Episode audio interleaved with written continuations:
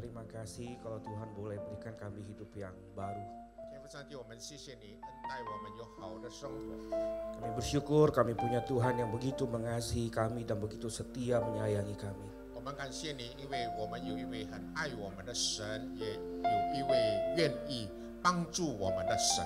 Tuhan kami sudah menaikkan pujian penyembahan kami kepada Engkau Tuhan. 主，我们已经用诗歌来颂赞你， Biarlah pujian penyembahan ini boleh sungguh-sungguh boleh menjadi persembahan yang harum di hadapanmu. Tuhan.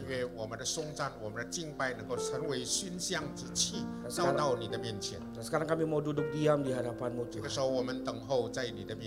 Berikan kami ketenangan. 求主你安静我们的心， berikan kami hati seorang murid yang mau belajar. 让我们有一颗门徒的心来学习你的真理。 Dan tolong kami supaya kami bisa mampu melakukan apa yang Tuhan ingin kami lakukan. 求主你帮助我们，让我们真是能够实践你要我们做的事。 Tuhan berkati waktu kami ke depan, 求主你祝福我们以下的时间， biar kira Tuhan boleh menolong setiap kami. 让你恩待我们每一个人。 Dalam namamu Tuhan Yesus kami sudah berdoa dan 奉 bersyukur. 耶稣的名，我们祷告 Amin. ，Amen。 Silakan duduk Bapak Ibu saudara dikasihi Tuhan. Selamat pagi sekali lagi, apa kabarnya? Luar biasa ya, usia bahagia memang luar biasa ini. Bajunya aja udah warna-warni ya. Oke, hari ini kita mau bicara tentang merenungkan satu tema how the good go bad gitu ya. Mau, mau bicara tentang bagaimana orang yang yang baik itu bisa berakhir menjadi buruk, jahat atau buruk hidupnya. 就是要谈论怎么一个很好的人，后来会变成一个很坏的人。 Bapak Ibu sudah dikasih Tuhan beberapa waktu yang lalu muncul sebuah film yang cukup heboh yang mungkin saudara eh, boleh dibilang film ini cukup kontroversi. 弟兄姐妹，最最近有一部电影，可以说这部电影会引起人很多人的 Filmnya 议论。 Filmnya jangan ditampilin dulu atuh. Nggak seru ini, Masya Allah. Jadinya saya harus lompat nih dari teks saya. Terus film itu judulnya ya udahlah sudah udah kepalang basah ya. Film itu judulnya apa? Jo, Joker. Ada yang sudah nonton Joker ini? Ah, siapa yang sudah nonton? Ah, waktu film ini muncul saya saya iseng saya cerita sama satu ibu-ibu. 那么当我观看这部电影的时候，后来我就 告诉一位姐妹， Saya bilang, "Ah, Ci, lu udah nonton belum film ini? 我问她是不是已经看了这部影片， Wah ini ada film nih kayaknya bagus ini film ini. 好像是很好看的。 Saudara saya langsung diomelin saudara. 但是后来她骂我， Oh jangan nonton film kayak gituan Musa. Ngapain nonton film begituan? Itu film tidak bagus. 不是你不要看这部影片是不好的， Film itu bahaya katanya. 很危险， Film itu bisa bikin orang sampai depresi dan katanya sampai ada yang bunuh diri. 会让人感觉到有压力，甚至会自杀。Memang sih katanya ada yang bunuh diri gara-gara nonton film Joker ini. Tapi menurut saya itu orang yang paling bodoh ya nonton bunuh diri ya. 听说有人看了这部电影，后来他自杀了，我觉得那是很愚蠢的一个人。Terus saya ini iseng. 那么我有一点很想知道，Saya tanya, Cici udah nonton belum? 我问他你是不是已经观看了？Saudara, saudara tahu, tahu jawabnya apa? 你知道他怎么回答呢？Belum nonton saudara. 他说还没有啊。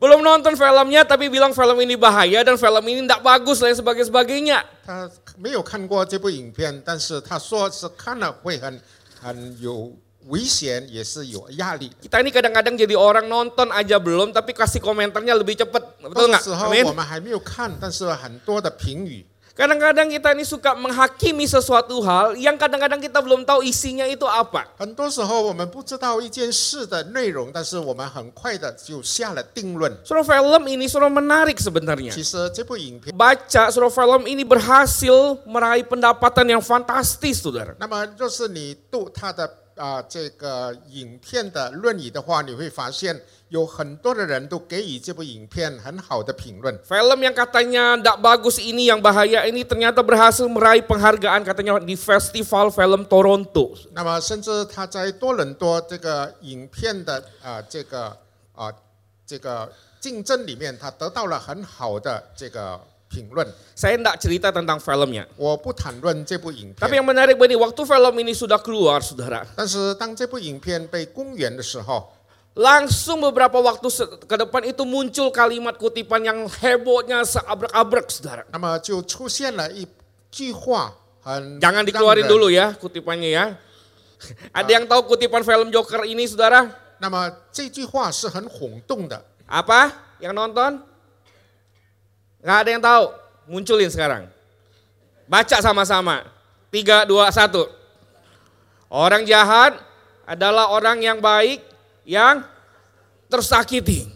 一个坏人是一个啊生 生病的好人。 Saya tidak tahu siapa yang bikin kutipan ini. 不知道什么人把这句话记录下来。 Kayaknya pada waktu saya nonton nggak ada ini kal- kalimat ini 因 kayaknya. 为当我看这部影片的时候，根本就没有这句话。 Tapi kalimat ini ramenya minta ampun di media sosial. Semua bicara tentang kalimat ini. 但是在网络里面，很多人都在谈论这句话， Sampai kalimat ini juga ada di pleset-pleseti.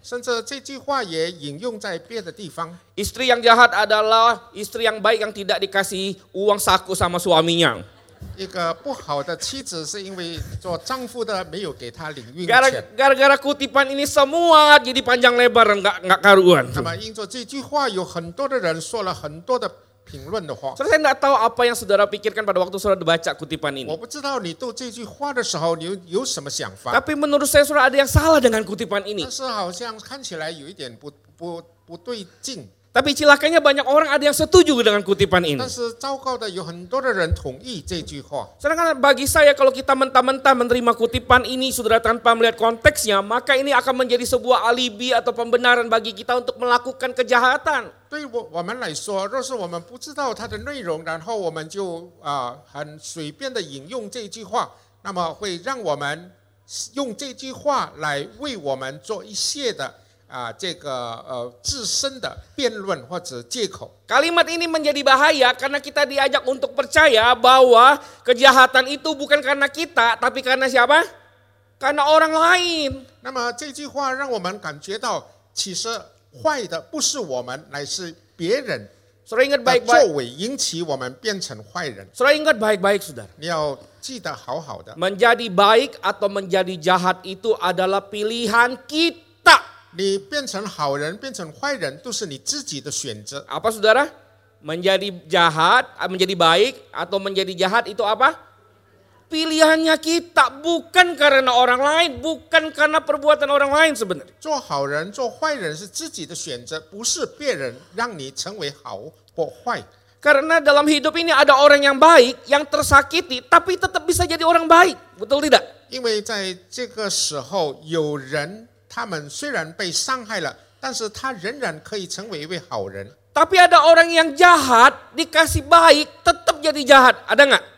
但是 Banyak 有的坏人，虽然你对他好，他仍然是坏的。 Itu sebab menjadi baik atau menjadi buruk, itu bicara yang namanya pilihan. 所以成为好、成为坏是一个选择。 Nah menentukan pilihan dalam hidup kita itu penting sekali saudara. 那么要决定这个做这个决定是很重要的。 Ketika kita salah berespon terhadap sesuatu dalam hidup kita, maka hidup kita akan menjadi salah juga. 那么，当我们对这件事有错误的反应的话，我们就会在错的一方。 Di dalam Alkitab ada banyak sekali contoh orang-orang yang kemud yang awalnya begitu baik, kemudian bisa menjadi jahat dan berakhir dengan begitu buruk karena salah memilih hidup. 那么，在圣经里面有很多的人，以前他是好人，但是后来做了错误的选择，他成为一个坏人。 Dan salah satunya adalah hari ini kita akan bicara yaitu namanya Saul. 其中之一就是今现在我们要谈论的扫罗王。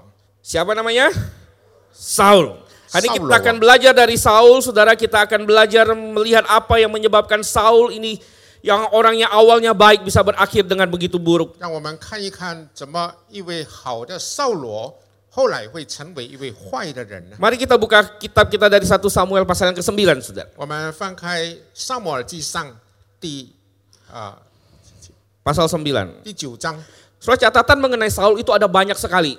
在呃这个《撒母耳记》里面记载很多有关扫罗的事。 Kita akan belajar dan saya akan ajak lihat untuk beberapa bagian catatan dalam 1 Samuel ini, saudara. Kita mulai dari 1 Samuel pasal yang ke-9. 我们从第九章开始， Saya baca aja dalam bahasa Indonesia biar lebih cepat. 1 Samuel pasal 9 ayat 1 dan 2 terlebih dahulu. Demikian bunyi firman Tuhan.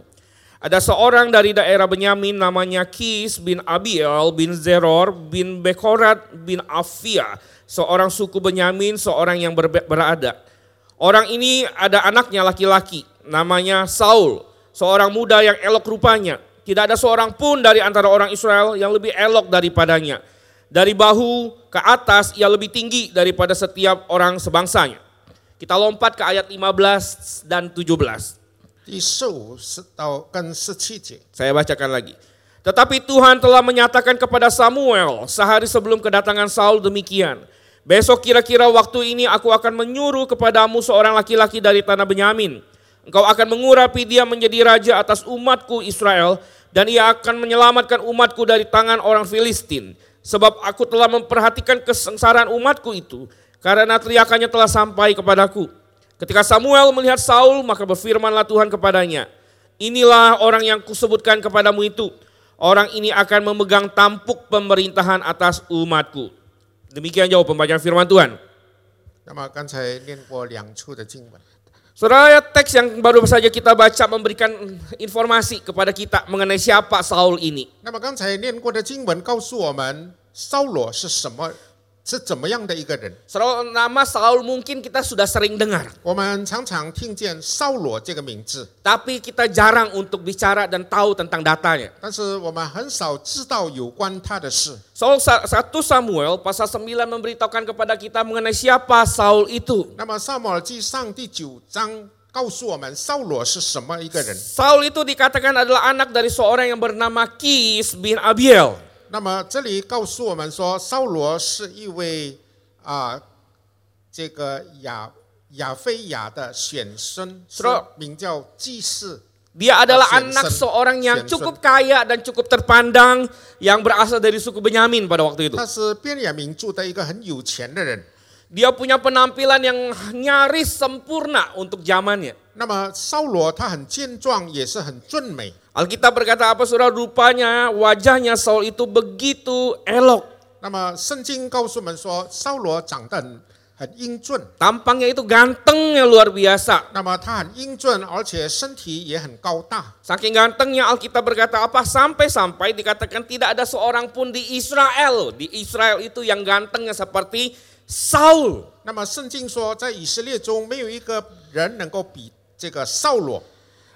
Bapak Ibu mungkin bingung tampangnya seperti apa gantengnya kan? 那 Bingung 么 kan? 你对他的英俊可能感觉到呃很不很不了解， Ya kira-kira 11-12 sama saya saudara.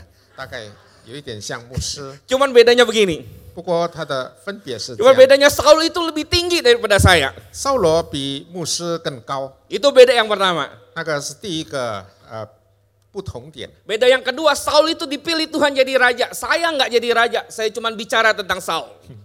那么第二不同点是，扫罗被神选为以色列人的王，但是牧师 Jadi kalau- 不被选为王。 Jadi kalau saudara baca satu Samuel bicara tentang Saul, ingat saya. Wah gantengnya kayak Pak Sobi gitu ya. Nama Cuman dikanji- bedanya pendeknya, Pak Sobi pendek.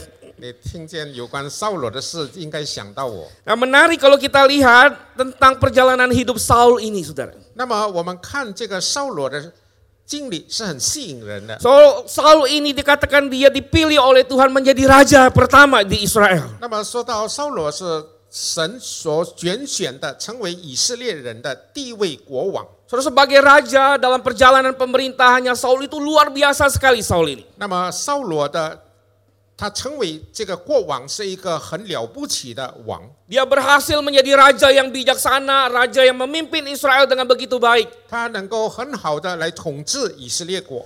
Dia dikagumi, namanya disebut semua orang, bahkan banyak orang lawan ataupun ka, apa lawan ataupun kawan segan dengan yang namanya Saul ini. 那么他被看重，甚至地人或者他国家里面的人都很尊崇他。 Karena memang kalau kita perhatikan catatan Alkitab, so Saul ini memang sangat sangat menarik orangnya. 扫罗是一个很吸引人的人， Dia menarik bukan karena secara fisiknya memang menarik sebagai seorang pemimpin. 不单是一位啊、有很好体格的领袖， Tapi dia juga menarik karena dia punya sifat dan punya karakter yang luar biasa di awal, di, apa, di awal-awal pemerintahannya. 那么在他起初的时候，他也有一个很好的性格。 Kalau kita baca dalam 1 Samuel dari pasal 9 sampai pasal 12 terutama, kita bisa lihat bagaimana Saul ini adalah seorang raja yang begitu pandai dan berani. 那么从第第九章到十二章，我们看见他是一位很玄敏的国王，是一个很聪明的国王。 Dia itu adalah raja yang sangat bertanggung jawab dalam dalam apa dalam tugasnya. 也也是一位很负责任的国王。 Dia itu adalah seorang yang sangat sopan, sangat santun, sangat hormat sama siapapun dia hormat. 他也是一位很有礼貌的人， Dia begitu baik, 他是一位好王， dia begitu bijaksana ini 他也 orang 是一个很玄敏的王， dan dia begitu rendah hati sekali. 而且他也是一位很谦卑的人。 Itu sebab saudara kalau saudara baca dalam Alkitab dikatakan bahwa Saul itu hidup dalam penyertaan dan pengurapan Tuhan yang luar biasa.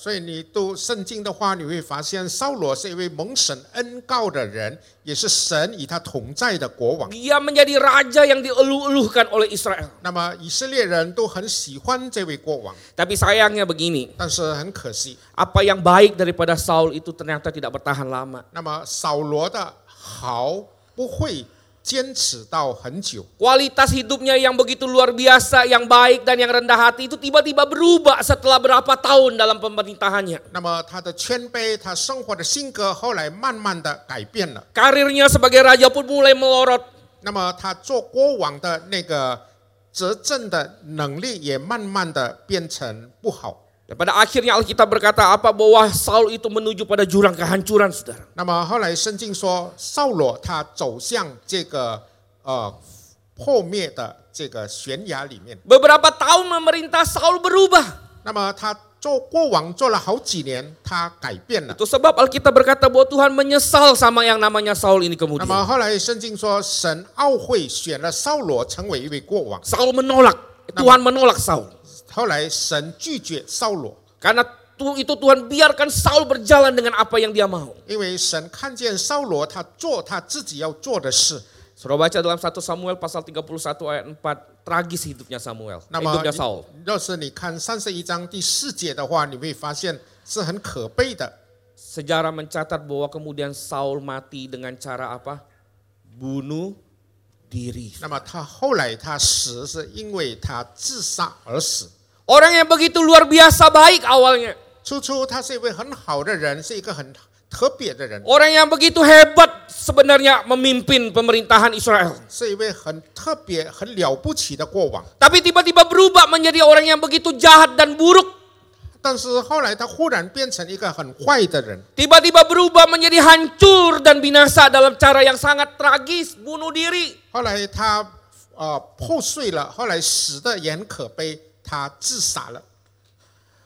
Awalnya saudara Saul dielulkan. 起初人民很尊崇他，很喜欢他， Akhir hidupnya dia seorang diri mati terhunus pedang. 但 saudara. 是到了后来他啊、自己一个人，后来他自杀而 Saudara 死。 melihat apa yang terjadi dengan Saul muncul pertanyaan dalam pikiran kita saudara. 那么我们看见扫罗的下场，我们心里面会发生一个疑问： Kok bisa Saul itu bi- bi- apa begitu tragis hidupnya?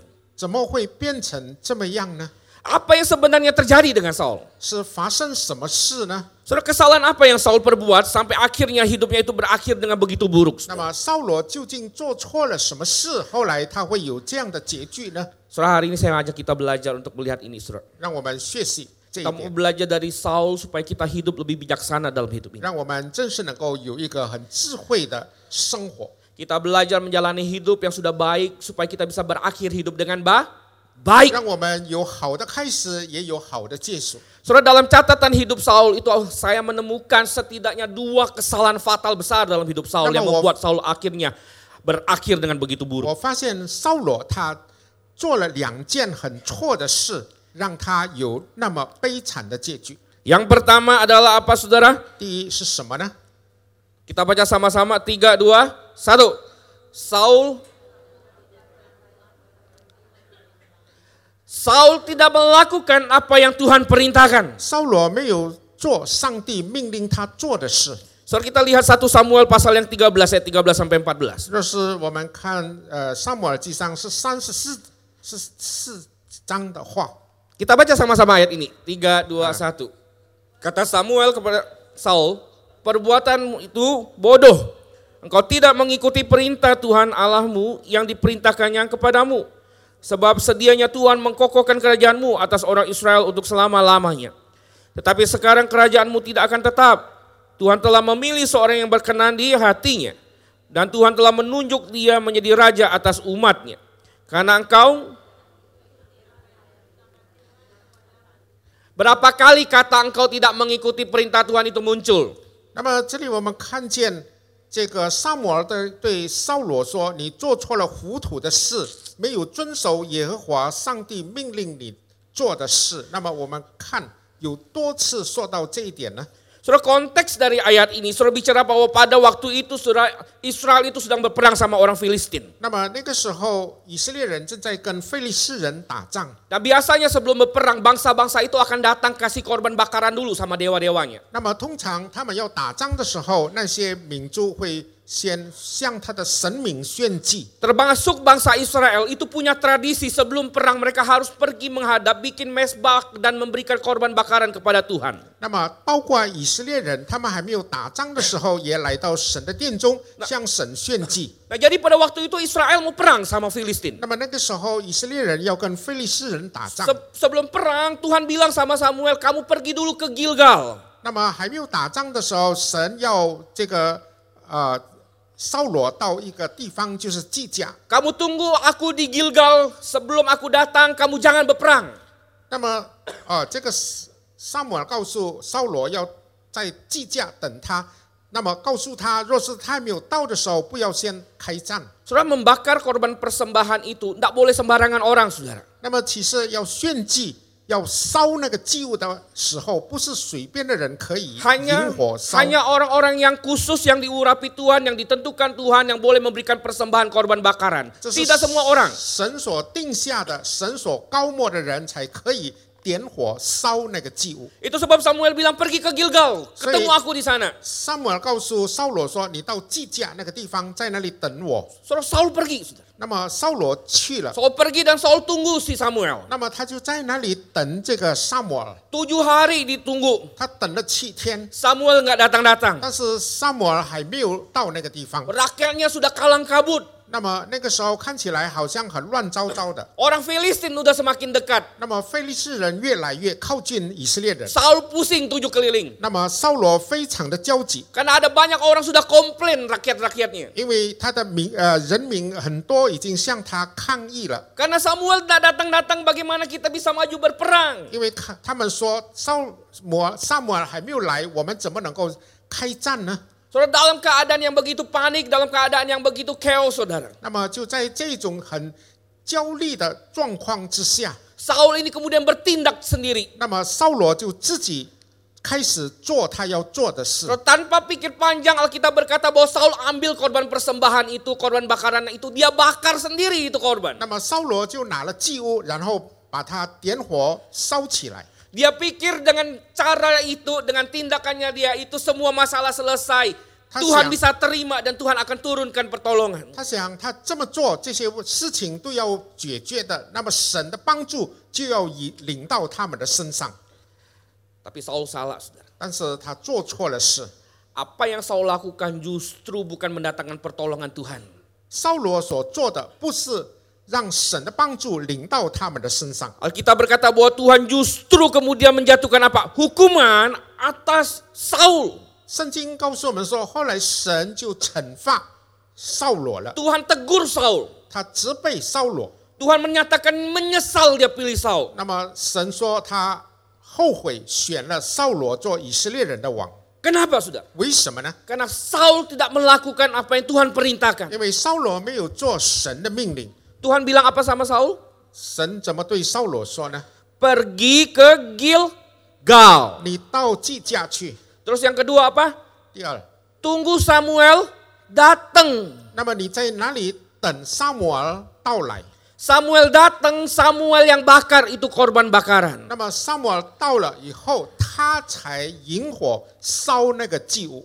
Saul tidak dengar apa yang Tuhan ngomong. 但是扫罗没有听 上帝的吩咐， Apa yang Tuhan perintahkan dia tidak lakukan. 神吩咐的他没有去执行， Apa yang tidak Tuhan perintahkan dia lakukan. 但是神没有吩咐的他却去做了。 Itu sebab saudara kalau saudara baca Samuel kemudian tegur ini Saul. 那么后来我们看见撒母耳他责备扫罗， Samuel ngomong apa? 撒母耳说什么呢？ Perbuatanmu itu bo bodoh. 你的 作为是很糊涂的， Perbuatanmu itu stupid, foolishly kalau nggak salah. 是很 糊涂的一件事。 Saudara tahu apa itu bodoh, saudara? 你知道这里的糊涂很愚蠢是什么一回事呢？ Tahu bodoh? Hah, tahu ya? Saudara saya sering diomelin sama anak perempuan saya. 我的女儿常常骂我， Saudara, Freya itu tuh encim bawel banget, saudara. 她那个是一个很啰里啰嗦的孩 Sem- 子， semua dikomplainin sama dia. 她什么都要抗议。 Saya kemarin masuk rumah sakit, terus habis itu kan pulang di mobil dia ngomong begini. 那么我进医院，那么回来的时候，在车子里面，她对我说 Papa ya, kok di rumah sakit nggak ngomong bad words ya? Setelah keluar rumah sakit kok ngomong bad words? 那么，爸爸，你在医院的时候，你没有说那些不好的话，但是出了医院你就说了那些不好的话。 Soalnya saya nyetir, saudara. Pas nyetir itu, saudara, mobil itu tuh motong shortcut mobil saya. Dia ngambil jalurnya saya. 因为我开车的时候，有人刹我的这个前面的路， Dan kebiasaannya saya seringkali bilang begitu, ini orang bodoh banget nyetirnya. 呃，通常我会骂那个人是一个愚蠢的人。Sudah langsung dikomplain sama anak perempuan. 那么我的孩子就不满意。Papa kok ngomong bodoh? Nggak boleh ngomong bodoh. 爸爸你怎么说那句话呢？你骂人家愚蠢是不可以的。Saudara, bagi beberapa orang kata bodoh mungkin nampak biasa, saudara. Betul ya? 么对一些人可能说他愚笨、愚蠢是好像很普通的一件事。Tapi sebenarnya saya ngomong bodoh pun karena saya sudah pikirkan kata-kata itu yang paling tepat untuk orang seperti begitu. 但是我骂那个人很愚笨，我已经考虑了，那句话是很很正确的，对这样的人 Saya 说的。 bilang sama anak saya perempuan, 我就对那个我的女儿说， kalau papa sudah ngomong sampai kata bodoh, 我说了愚笨的话， itu artinya itu orang sudah sungguh amat sangat keterlaluan. 也就是说那个人太过分了， Benar?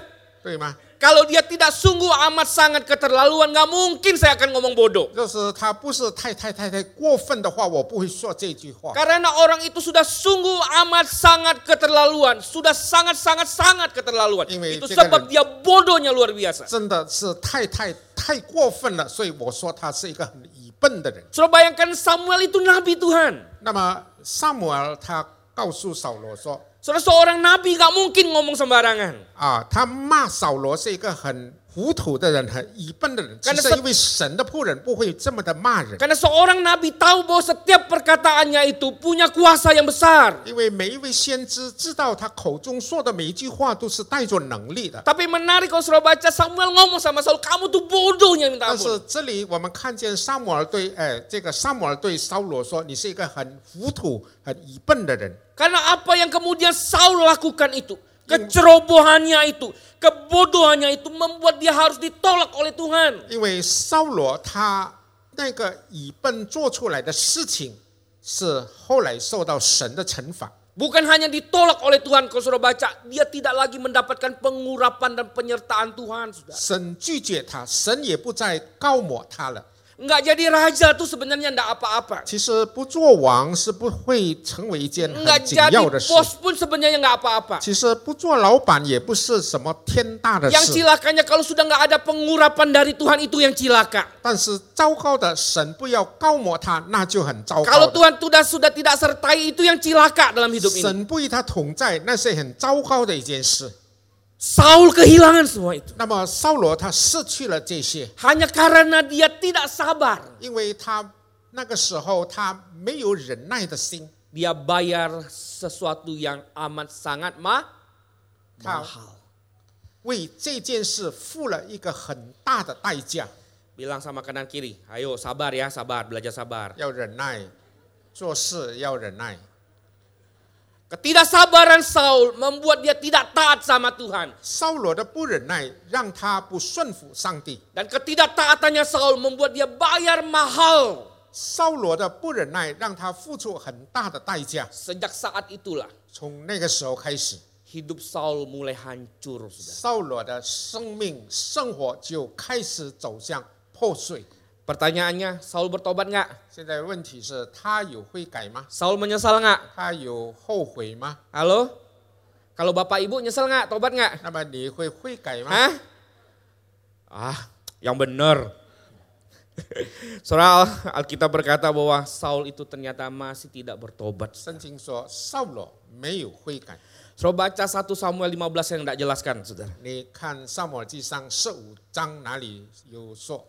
Saul melakukan kesalahan yang sama. 扫罗在重复做同样的事？ Apa yang Tuhan perintahkan dia tidak lakukan. 神命令他做的，他不去做； Apa yang tidak Tuhan perintahkan dia 但 lakukan. 是没有命令他做的，他去做了。 Tuhan bilang bunuh semua orang Amalek. 神说：“你把所有的亚玛力人杀掉吧， Semua binatang itu dibunuh semua. 所有的动物把它杀掉， Tidak boleh ada satupun yang sisa. 不可留下一只， Termasuk anak-anak. 也包括亚玛力人的孩子， Semua harus dihabisi. 全部都应该把它杀掉。 Saudara, tapi Alkitab berkata bahwa Samuel lakukan apa? 但是撒母耳做了 Eh 什么？ Samuel, Saul lakukan apa? 扫罗做了什么呢？ Dia tidak bunuh rajanya. 他没有把亚玛力人的王杀掉， Dia ambil kambing apa lembu-lembu yang yang tambun-tambun. 他把那些好的羊羊羔存起来。 Yang kurang ajarnya saudara, 那么太岂有此理的， Saul tidak pernah merasa bersalah. 他从来不觉得 做错了事， Saul selalu merasa benar. 他总是觉得他做的是对的。 Saudara tahu Saul ngomong apa sama Tuhan? 你知道他怎么对神说的？ Tuhan, aku tuh lakukan ini untuk Tuhan loh. 神啊，我做这些事是为你而做的， Aku ambil lembu-lembu tambun, aku mau bakar untuk Tuhan. Kurang ajar 我 nih 把 orang ini. 这些肥羊存起来是要作为祭物献给你的。 Sudah nggak taat berani beralibi dan sok rohani lagi. 不顺服又找借口成为一个很属灵的人。 Kalau mau istilahnya kita mencuri kayak Robin Hood. Saudara pernah nonton Robin Hood? Pergi merampok, udah ambil rampokannya dan rampokannya itu kasih orang, kasih ke gereja kayaknya buat baik. 好像以前有一个人，他去抢人家的钱，然后去分给那些啊乡村里面的人，或者你把它奉献给教堂。 Saudara kalau saudara jadi jadi Tuhan, apa yang saudara lakukan sama Samuel, sama Saul, saudara? 那么，若是你做 Halo？上帝的话，你怎么对付这个扫扫罗呢？ Apa yang saudara lakukan sama Saul? 你会怎么对付扫罗呢？ Kalau saya suruh geplak gelepok gelepok gelepok ya. Saudara, tidak ada orang yang suka dengan orang yang tidak taat, betul tidak? 一个不顺服 Halo？神的人，没有一个人喜欢。 Betul ya? Kita pengen orang-orang itu taat, 我们都希望每一个人能够有顺服的态度， sekalipun kita pun nggak taat, betul? 虽然我们自己不顺服。 Tapi kita mau dan menuntut orang lain taat, kita mau anak kita taat, kita mau karyawan kita taat, kita mau orang-orang yang ada di bawah kita taat. 我们要别人、我们的职员、我们的儿女顺服， Tapi 但是 saudara Saul tidak taat, saudara. 扫罗不顺服。 Saudara bagi Tuhan ketaatan itu penting. Ketaatan itu tuh tidak bisa ditawar-tawar.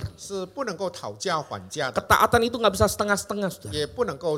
saudara. 也不能够是三心两意的。 Saudara ketaatan di hadapan Tuhan itu ujian atas imannya saudara. 顺服在神的面前是对你信心的一个考验。 Apakah kita sungguh-sungguh percaya sama 我 Tuhan? 们是不是全心全力的 Apakah, 信靠神 apakah 呢？ kita mengasihi Tuhan atau tidak? Itu ditentukan kita taat sama Tuhan atau 我 tidak. 们爱神不爱神是看你顺服不顺服。 Saudara, kegagalan Saul dimulai dari dia tidak taat kepada Tuhan. 扫罗的失败是开始于他不顺服上帝的命令， Kehancuran Saul itu dimulai dari dia tidak saat tidak taat sama Tuhan. 扫罗的破碎是开始于他对神的不顺服。 Karena itu sudah belajar untuk taat. 所以我们要学习顺服， Ingat apa yang Tuhan perintahkan 神命令你的， itu yang kita lah 我 lakukan. 们就去做； Apa yang Tuhan tidak perintahkan, jangan kita lah lakukan. Karena kalau kita melakukan apa yang tidak Tuhan perintahkan, maka kita harus siap-siap dengan yang namanya kehancuran.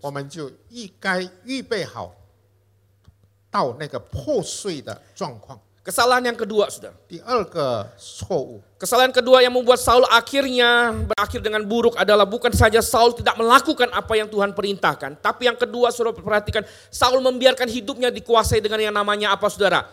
Iri, ha? Kita baca sama-sama. Saul membiarkan hidupnya dikuasai iri, iri hati, 那 saudara. 么扫罗不但不去做神要他做的事，而且他也让他自己被这个 妒忌的心所管控。 Hidup Saul itu hancur bukan hanya semata-mata karena dia tidak taat sama Tuhan, saudara. 那么扫罗他会破碎，不是因为单单他不顺服上帝， Ini aja sudah buat dia hancur.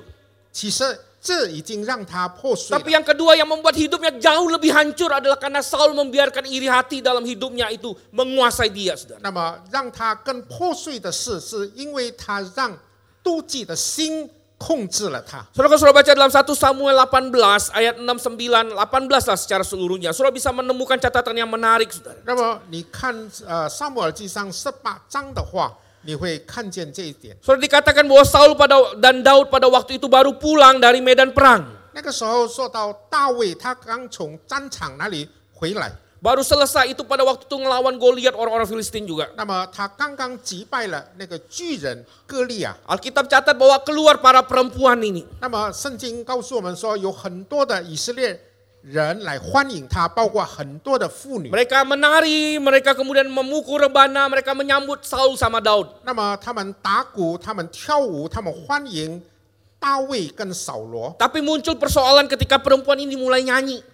但是后来这些妇女们，她们唱歌的时候就出现了问题。 So pada waktu saya bil- saya baca ini so saya bercanda sama istri saya. 那么当我读这段经文的时候，我跟我的太太开玩笑。 Nih perempuan-perempuan hati-hati kalau berkata-kata saja harus hati ha hati. Bilang kanan kiri. 妇女啊，你们说话应该很小心， Apalagi kalau bernya nyanyi. 更何况你唱歌的时候也要小心。 Saudara gara-gara perempuan ini bernyanyi, saudara itu pertumpahan darah itu terjadi antara Saul dan Daud. 那么妇女的唱所唱的歌，就让扫罗跟这个大卫打起来。 Saudara perempuannya nyanyi apa saudara? 那些妇女唱什么呢？ Saul mengalahkan beribu-ribu musuh. 他们唱扫罗杀死千千， Tetapi Daud berlaksa-laksa. 但是大卫杀死万万， Berlaksa itu artinya berpuluh ribu saudara. 就是杀了万万的敌人。 Saudara perempuan cuma nyanyi. 他们不过是唱歌， Mulutnya ngoceh-ngoceh. 不过是开开口唱歌。 Dia nggak lihat ada dua orang situ yang lagi berjalan yang ada namanya Saul saudara. Saudara bisa bayangkan raja dengernya jadi apa saudara? 他们没有想到那个扫罗王听了他们唱的歌怎么想。 Kalau saya bilang tadi saya lebih ganteng karena di sini nggak ada Pak Randy, Pak Randy nggak akan iri hati saudara. Kalau ada Pak Randy di sini terus sa- saudara bilang saya lebih ganteng daripada Pak Randy, pasti dia iri hati sama saya. Apalagi bilang saya lebih kurus daripada Pak Randy. Enggak, dia lebih kurus daripada saya sekarang. Dan dia lebih ganteng daripada saya. Saudara bisa bayangkan Saul pada waktu itu 你 saudara. 可以想象那个时候扫罗他 有什么样的态度呢？ Baru pulang tiba-tiba dengar itu perempuan-perempuan ngomong begitu. Hati Saul, Alkitab berkata, lalu bangkitlah amarahnya Saul. 那么刚从战场回来，又听见妇人家这么呃妇女们这么唱，那么扫罗的怒气就发作了， Hati Saul jadi kesel. 他非常的这个气 Sejak 气 saat 愤。 itu Alkitab berkata Saul selalu mendengki alias iri hati sama namanya Da. 那么圣经说，从那个时候起，扫罗就一直对大卫有妒忌的心。 Iri hati itu dosa yang dahsyat loh. 妒忌是一个很糟糕的罪， Iri 很 hati 严重的罪。 iri hati itu tuh sembunyi di dalam tidak kelihatan. 妒忌是藏在心里面看不见的， ada seorang bilang iri hati itu tuh nggak butuh modal. Iri hati itu dosa yang tidak butuh modal. Halo? Setuju nggak sih? Kalau sombong itu butuh modal. 你骄傲，你需要本钱， Saudara harus ganteng-ganteng sekalian, Di- kaya-kaya sekalian, atau jelek-jelek sekalian, atau miskin-miskin sekalian. Di- Nah itu ada modal untuk sombong. 你要很英俊，或者你要很有钱，或者你很丑， Tap- 或者你很穷，那个是需要本钱的。 Tapi dosa iri hati katanya nggak perlu som, nggak perlu modal. Maksud- Cukup cuma karena sudah ada cukup mata melihat, telinga mendengar, itu sudah jadi iri hati. Amin. 那么妒忌不需要本钱，只要你看，然后你想， 那就够了。 Iri hati itu nggak kelihatan, tapi saudara tahu nggak, iri hati itu sangat bahaya dan mematikan, saudara. 妒忌呃看不见，但是是很危险的，也是置人于死地的。 Saudara itu sebab Socrates bilang begini. 所 saudara. 以苏格拉底曾经这么说。 Kita baca sama-sama. 3, 2, 1. Iri hati adalah putri dari kesombongan, pencipta dari pembunuhan dan balas dendam, ibu dari kejahatan rahasia, penyiksa abadi dari kebajikan, iri hati adalah cairan kotor dari jiwa, sebuah bisa, sebuah racun yang menggerogoti tubuh dan mengeringkan tulang, saudara. 那么苏格拉底说，这个妒忌是这个呃污秽的这个呃这个液体，那么是我们精神里面的那种污秽的那个东西。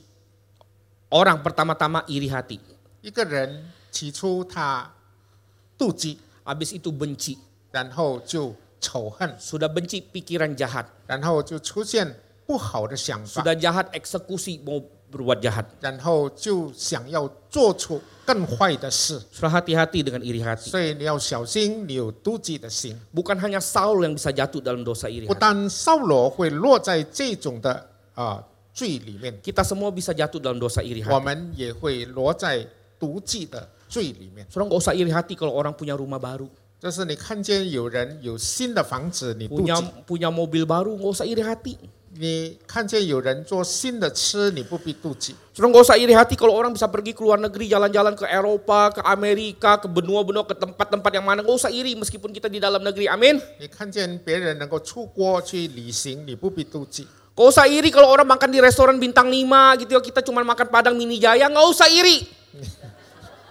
你也不必看见人家到好的餐馆吃饭，你 Saudara tahu makan mini jaya lebih lebih sedap daripada makan di hotel bintang 5, saudara. Bagi saya, saudara. Hah? Betul ya? Gak usah iri, saudara. Kalau orang kemudian bisa kurusin badan, kita tetap langsung begini. Gak usah iri. Gak usah iri. Gak apa-apa, saudara. Gak usah iri kalau orang itu kelihatan tinggi lebih ganteng, kita pendek, rada sedikit gempal, nggak usah iri. Yang penting hidup saudara. Saudara nggak usah iri saudara. Saudara belajar jangan banding-bandingi dengan orang lain. Jangan selalu lihat ke atas saudara. Belajarlah lihat ke ke 让我 bawah. 们学习向下。 Jangan lihat apa yang tidak ada sama kita. 你不要看你没有的， Belajar lihat apa yang ada sama 但 kita. 是你要看你自己有的。 Terakhir kita baca ayat ini, saudara. 最后，我们都这一节的 Tiga, 经文 dua, satu. Baca sama-sama. Sesungguhnya orang bodoh dibunuh oleh sakit hati. Dan orang bebal dimatikan oleh Bilang sama kanan kiri, jangan iri hati. Mati kamu lama. 愤怒害死以亡人，妒忌杀死耻米人。 Kesimpulan slide, slide terakhir, saudara. 那 Ya. 么最后的总结， Jadi saudara bagaimana supaya kita bisa hidup baik dan berakhir dengan baik? Yang pertama apa saudara? Lakukan apa yang Tuhan katakan. 我们做神吩咐我们做的事。 Yang kedua, bebaskan diri kita dari segala kedengkian atau yang namanya iri hati. 不要有妒忌的心， Mari 那 kita- 么你就能够以前好，以后也是好。 Mari kita berdoa ambil 我们 waktu 一起 teduh. 祷告。